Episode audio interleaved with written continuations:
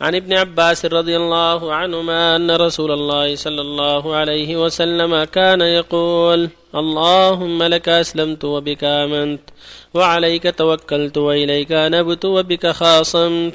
اللهم أعوذ بعزتك لا إله إلا أنت أن تضلني أنت الحي الذي لا تموت والجن والإنس يموتون متفق عليه. وهذا لفظ مسلم واقتصره البخاري. وعن ابن عباس رضي الله عنهما أيضا قال حسبنا الله ونعم الوكيل. قالها إبراهيم صلى الله عليه وسلم حين ألقي في النار. وقالها محمد صلى الله عليه وسلم حين قالوا إن الناس قد جمعوا لكم فاخشوهم فزادهم إيمانا. وقالوا حسبنا الله ونعم الوكيل.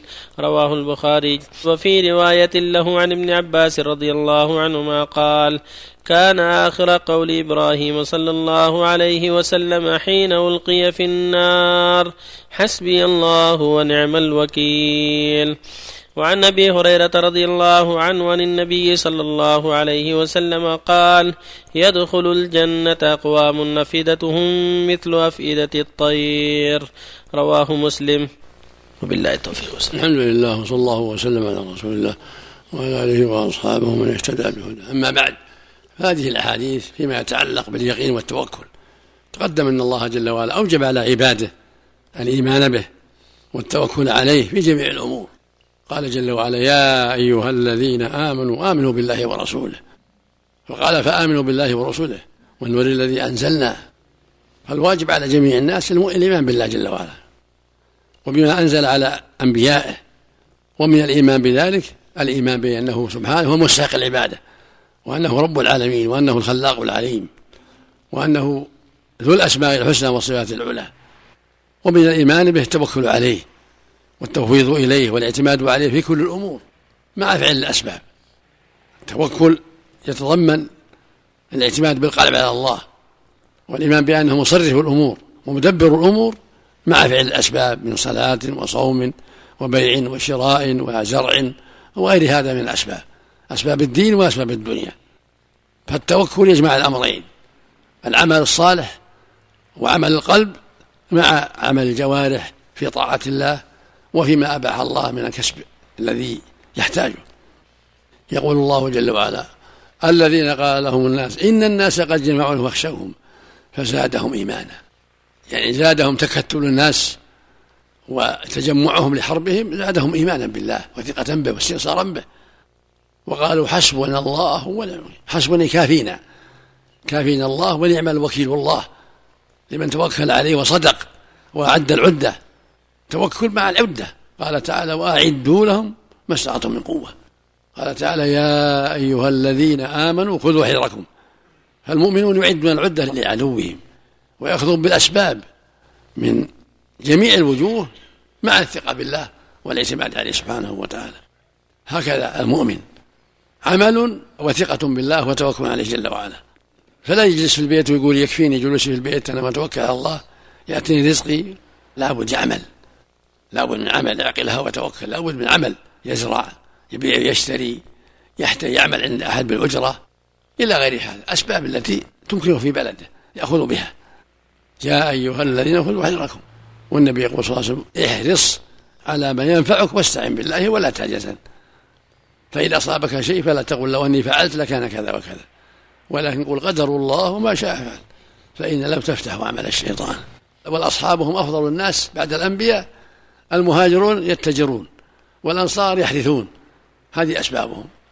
المهاجرون في التجارة والبيع والشراء والأنصار في الحرث والزراعة. وهم أصدق الناس وخير الناس وأعظم الناس توكلا وأكملهم إيمانا بعد الأنبياء.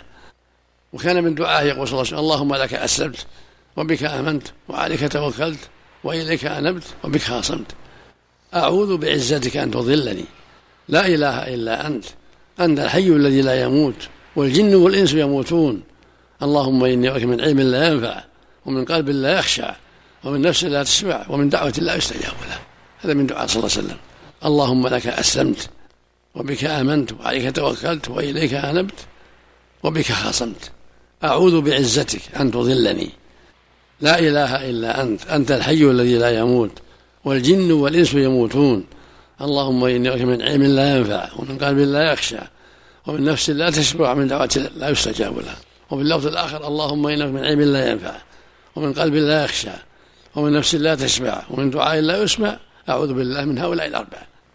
فالمؤمن هكذا يعمل بالأسباب ويأخذ بالأسباب ويبتعد عن أسباب الشر ويتوكل على الله ويعتمد عليه.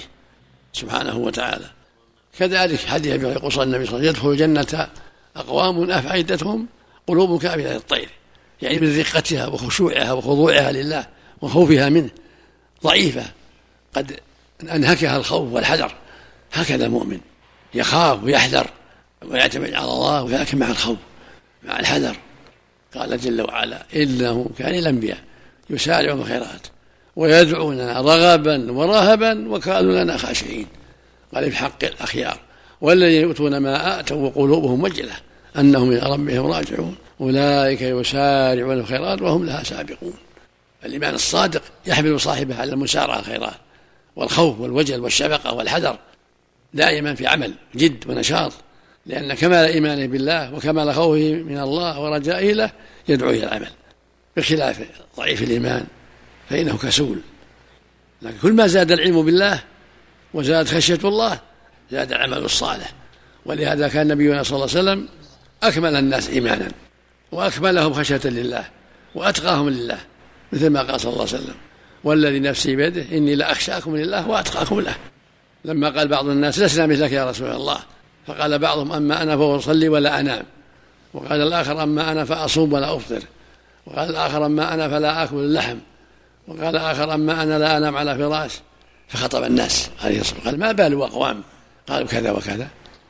أما والله إني لأخشاكم لله وأتقاكم له ولكني أصلي وأنام وأصوم وأفطر وأتزوج النساء وآكل اللحم فمن رغب عن سنتي فليس مني.